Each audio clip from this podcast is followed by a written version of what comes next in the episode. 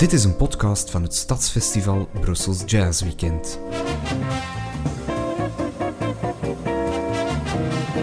Ben je nieuw in de jazz, dan is dit een ideaal vertrekpunt om je op weg te helpen. Welkom luisteraars bij nummer 15 van Jazziness, onze podcast met Frederik Goossens. Vorige keer, Frederik, hebben we een heel aantal nummers gehoord. Uh, heel dansbaar, heel leuk. Er kwam van alles samen op een kruispunt. Welke weg slaan we nu in? Ik stel voor dat we samen naar Parijs trekken. Oh, dat is altijd goed, een tripje naar Parijs. Luister eens naar dit.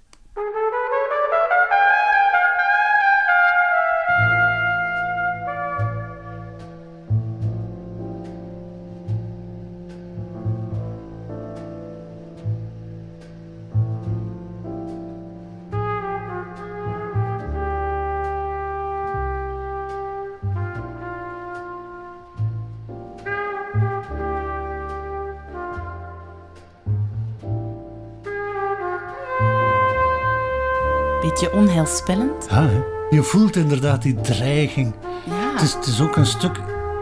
Je hoort maar één akkoord eigenlijk. Je hoort alleen maar re mineur.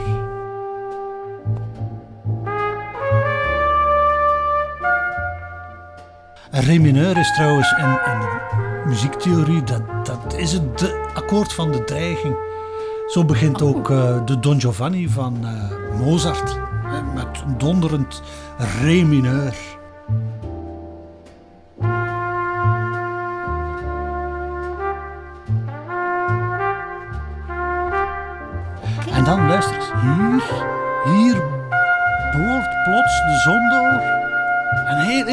Majeur.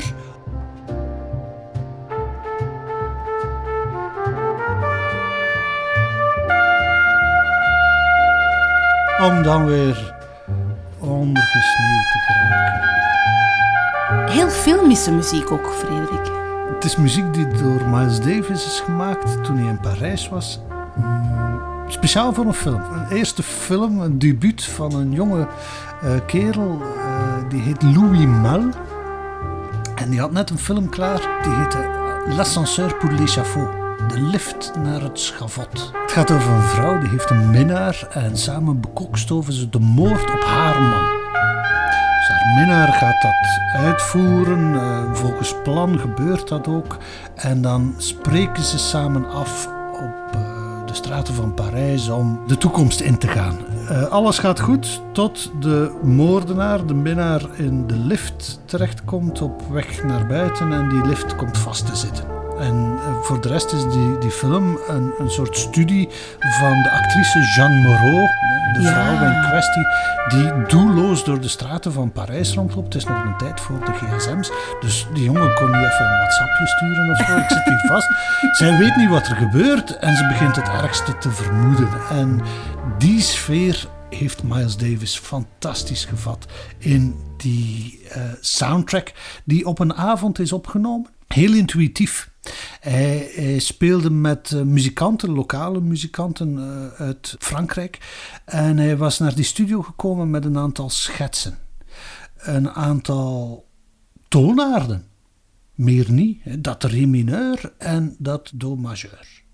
En dan spelen maar. Naar gelang wat de beelden op het scherm die ondertussen geprojecteerd werden, eh, jou ingeven, heel vrijelijk gaan spelen. Dus de soundtrack is eigenlijk bij elkaar geïmproviseerd. Ja, ja, volledig. En dat dat ging, dat was natuurlijk alleen maar mogelijk door die werkwijze.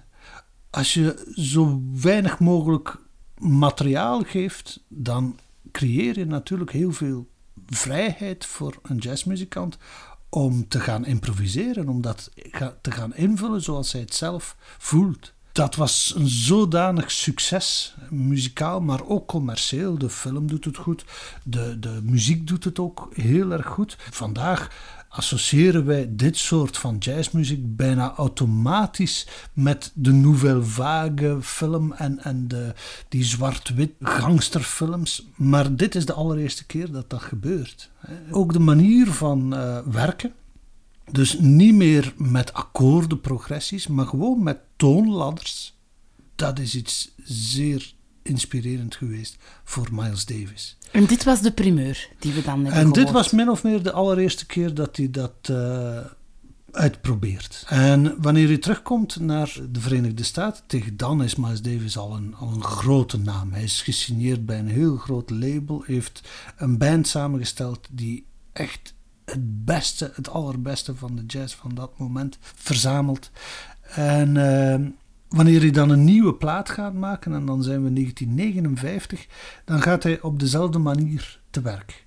Dus met een aantal schetsen, een aantal toonladders eigenlijk. En eh, dan wordt er vooraf afgesproken van kijk, we gaan deze toonladder zo lang spelen en dan gaan we over naar deze en dan keren we terug. En voor de rest, improviseer maar. En dan komen we uit bij deze muziek.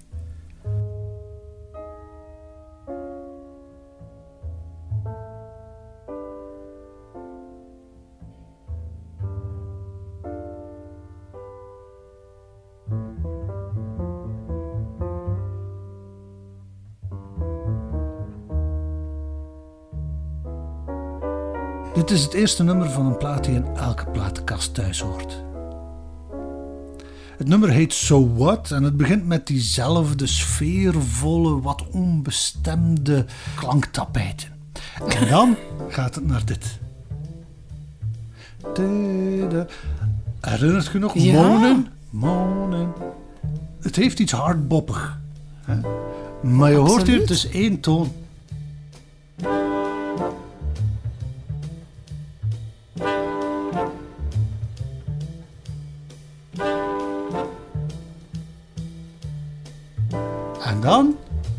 Gaat hij naar een andere toon. En die ligt een half toontje hoger, niet meer. En dan keren we terug naar onze eerste toon. En dat is het. Dat is eigenlijk het hele nummer. Twee toonladders en de ene is een half toontje hoger dan de andere. En beginnen spelen maar. Je hoort hier eigenlijk altijd hetzelfde. Ja.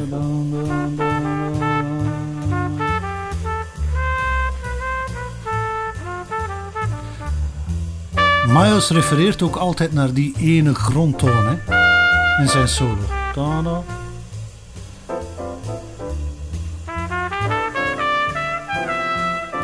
En dan na 16 maten gaat hij over naar een andere toon.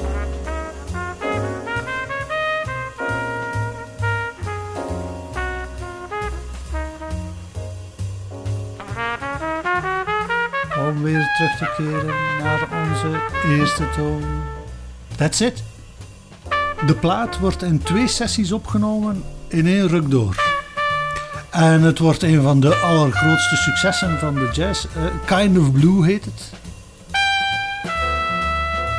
Je kunt daar heel intens naar luisteren en bij elke beluistering weer iets nieuws Ja. naar boven halen. Maar het kabbelt even goed op de achtergrond weg bij een intiem diner bij kaarslicht. Zo. Ja, terwijl de, de open haard aan het knisperen is, is dat de fantastische soundtrack voor een romantische avond. Heel veelzijdige muziek. Ja. eigenlijk. En heel revolutionair op een manier ook, want het druist min of meer in tegen wat jazz-improvisatie tot dan toe was, namelijk improviseren over akkoordenprogressies.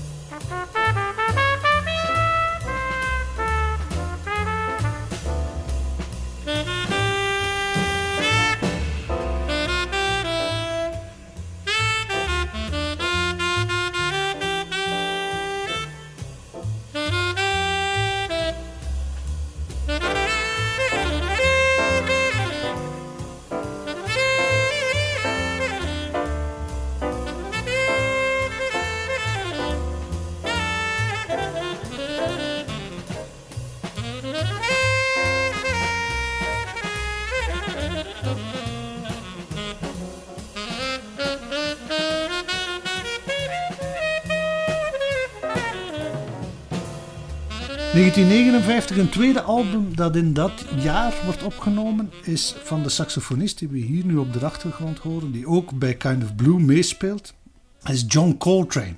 En zijn album heet Giant Steps.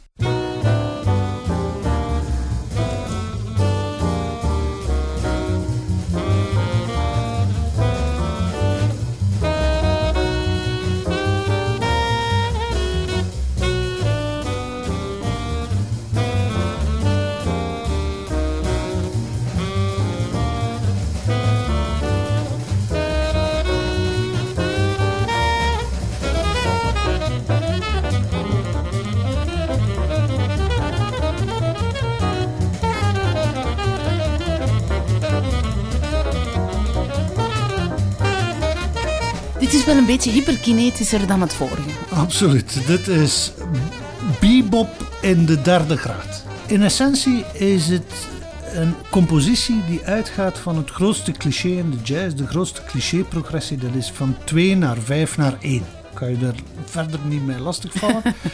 maar meestal een progressie in harmonie staat geankerd rond één toonaard. Je loopt akkoordjes door, maar je weet altijd hier ben ik begonnen en hier keer ik naar terug. En dat maakt muziek logisch. Nu, wat John Coltrane hier doet, in plaats van één toonaard, gaat hij drie toonaarden introduceren. Nu kan je toonaarden kiezen die gelijkaardig zijn, die noten met elkaar gemeen hebben. Maar wat Coltrane hier doet, is hij maakt het expres voor zichzelf heel moeilijk. Hij gaat naar het andere uiterste van het spectrum gaan kijken. Een, een toonaard kiezen die niks met de eerste te maken heeft. En dan een derde toonaard die niks met die andere twee te maken heeft. Is daar een bepaalde reden voor? Wel, dat zijn de giant steps die hij onderneemt. Hè. Hij, hij deed dat echt als een soort harmonische uitdaging voor zichzelf. Om er is een mooi filmpje op YouTube van, van een kanaal dat heet Fox, waar, waarin een meisje dat uh, laat uitleggen. En ze vergelijkt het met uh, het spreken van verschillende talen na elkaar. Nu, er zijn talengroepen die dicht bij elkaar staan. Ja, verwant zijn aan elkaar. Verwant zijn aan elkaar. Je hebt Frans en Italiaans en Spaans. En als je de ene taal kan, dan kan je je wel verstaanbaar maken in een andere taal. Maar je kan ook bijvoorbeeld Frans met uh, Japans en dan uh, Swahili. Hè? Talen die niks met elkaar te maken hebben. En daar ga je dan een verhaal mee vertellen. En elke zin die je uitspreekt is in een andere taal. En dat is min of meer wat John Coltrane hier doet met Giant Steps. En het wondere is dat dat met een dergelijke snelheid, overrompelende snelheid gebeurt en virtuositeit, dat hij de luisteraar bijna onderdompelt in, in, in een gordijn van noten. Het is, het is, heel schoon trouwens als je nu naar de, de solo luistert van de pianist. Die aarzelt altijd. Hij zit in een toonaard en hij weet. En dan gaat hij naar een andere toonaard en. Oei, maar nu? Dus hij struikelt altijd over die verschillende... Die overgangen die eigenlijk, overgangen. ja. ja. Maar als je Coltrane beluistert, die surft daardoor met onwaarschijnlijk bovenmenselijk gemak.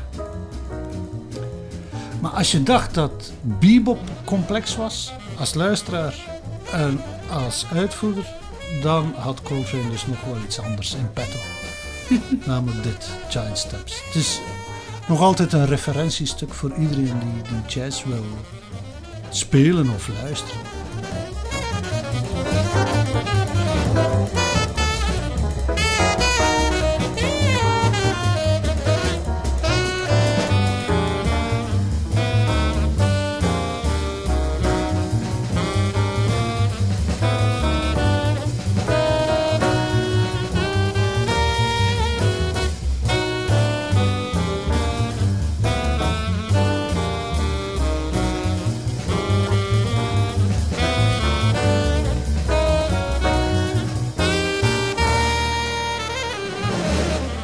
Dus dat zijn twee platen in 1959, Kind of Blue en Giant Steps, die elk op hun manier de jazz en de jazz-improvisatie een andere kant uitsturen. Hè. Miles Davis probeert van die akkoordenprogressies, die als een lode bal aan de benen hangen van een improvisator, vanaf te geraken door toonladders te introduceren en daarover te improviseren. Modussen is een andere naam en dat is ook de naam van de jazzsoort die je daarbij introduceert, namelijk modale jazz. Jazz gebaseerd op modussen. Terwijl John Coltrane de hele andere kant uit gaat en hij gaat van die akkoordenprogressies in totaal tegengestelde toonaarden een echte oefening maken. En daarbij echt het eind van improviseren op normale bebop leest introduceren. En dan is er een derde plaat in 1959 en die gaat nog eens totaal de andere richting uit. Het is een album van een uh, saxofonist die heet Ornette Coleman en het album heet The Shape of Jazz to Come. Hoe profetischer kan je nog worden? Dit is hoe de jazz er in de toekomst zal uitzien. En voor sommige mensen was dat nogal een uh, angstaanjagend vooruitzicht. Dit is het openingstuk, het heet Lonely Woman en het begint als een mantra.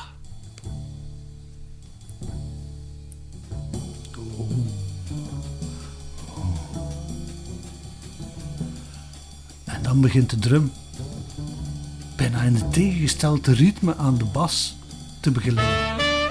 En dan de trompet en de saxofoon daar nog eens boven, weer in een totaal ander ritme. En je weet als luisteraar niet meer waar je je precies bevindt in die hele klankwereld.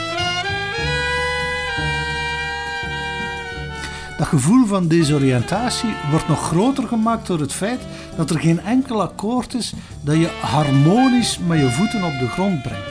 Er zit geen gitaar, geen piano bij. Er zit geen akkoordinstrument bij. Er is enkel de leegte.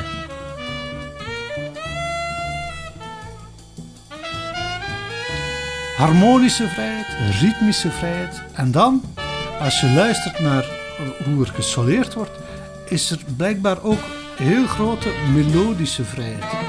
Want die saxofonist, Ornette Coleman, had maar één credo en dat was: zolang je adem hebt, kan je spelen.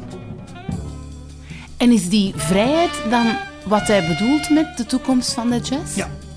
Ja. Dat al die conventies een beetje overboord worden gegooid. En dat er eigenlijk maar één regel is en dat is de inspiratie die je hebt. Het, het hangt wat samen met het culturele klimaat van die periode. Je, je kan dat vergelijken met uh, wat de Cobra-artiesten bij ons doen. Hè. De Cobra-beweging, zoals Karel Appel en Corneille, die uh, huisjes en, en kipjes beginnen schilderen zoals een driejarige dat zou doen. Naïeve kunst noemen ze het. Hè. Maar het is een zoektocht naar een, een heel eerlijke expressie tegelijkertijd. Uh, los van dat academische en, en studieuze, laat ons niet keer teruggaan naar wat echt vanuit ons diepste diepe naar boven komt geborreld en laat ons daar zo weinig mogelijk schotten tussen zetten. Laat, laat dat zo vrijelijk mogelijk vloeien. Hij speelde ook op een witte plastieke saxofoon. En dat ook alleen al, dat was bijna respectloos om op zo'n plastic ding te, te spelen. Maar het is allemaal een zoektocht naar iets ongehoord. Hè. Ja, dat willen rebelleren eigenlijk. Maar rebelleren, ik weet niet of dat zo rebels is. Hè. Ik denk dat het echt een persoonlijke zoektocht was naar, naar de meest pure expressie. Want op de duur gaat Ornette Coleman saxofoon, zijn instrument, neerleggen en gaat hij trompet beginnen spelen. Omdat hij dat niet beheerst, hè, omdat hij daar geen, geen opleiding op gekregen heeft. Of viool, speelt dan linkshandig viool. Klinkt natuurlijk naar... Ik bedoel, nee, klinkt niet zoals je denkt dat een viool zou horen te klinken. Maar het is diezelfde filosofie die daarachter zit. Pas als je iets niet beheerst met je hoofd, kan je het wel beheersen met je ziel. En dat, dat is het ultieme uh, doel. En ook dit nummer is van 1959. Dat is wel een heel rijk gevuld jaar. Och, 1959 is echt het annus mirabilis van de jazz. Wat in dat jaar allemaal opgenomen is en verschenen is. Het is onvoorstelbaar. Ik ontdek zelf nog altijd platen dat ik denk van... Maar het is niet mogelijk, ook uit 1959. Maar het is echt een scharnierjaar. Die drie platen vertegenwoordigen dat misschien wel het beste. En ook divers eigenlijk, hè? Dus op elk op hun manier tonen ze waar de jazz in de toekomst naartoe kan gaan. De modale weg van Miles Davis, de heel complex harmonische weg van John Coltrane of de totale vrijheid van Ornette Coleman. En de jazz zal in de nasleep van dit soort van uh, platen helemaal gaan versplinteren. Er is geen leidende stijl meer. Er is geen eenduidig pad meer waarlangs uh, die muziek zich ontwikkelt. Het gaat alle kanten uit vanaf nu. En dat betekent dat ons verhaal ook wel veel complexer gaat worden. Uh, heel veel stijlen die tegelijkertijd bestaan naast elkaar, ook elkaar gaan kruisbestuiven. Muzikanten die ook vanuit jazz gaan kijken naar allerlei wereldmuziek, naar populaire muziek, naar klassieke muziek. En ja, dan wordt het zeer, zeer... Complex, maar heel erg boeiend. Voilà, je neemt de woorden uit mij. Dus volgende keer bewandelen we die paden verder die we nu zijn ingeslagen? Ja, de swinging 60s en dan uh, zien we wel waar we uitkomen, want er is zoveel dat op ons afkomt. We zullen hier en daar wat interessante muziekjes plukken. Ongetwijfeld. Tot volgende keer.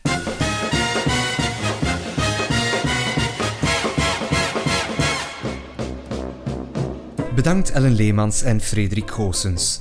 Jazziness wordt gemaakt door het gratis stadsfestival Brussels Jazz Weekend. De volgende editie vindt plaats op 29, 30 en 31 mei 2020. Meer info over het festival vind je op brusselsjazzweekend.be. Abonneer je op de podcast om op de hoogte te worden gehouden wanneer nieuwe afleveringen verschijnen. Vind je dit een leuke podcast? Geef ons dan een goede review. Zo worden we ook makkelijk gevonden door nieuwe luisteraars.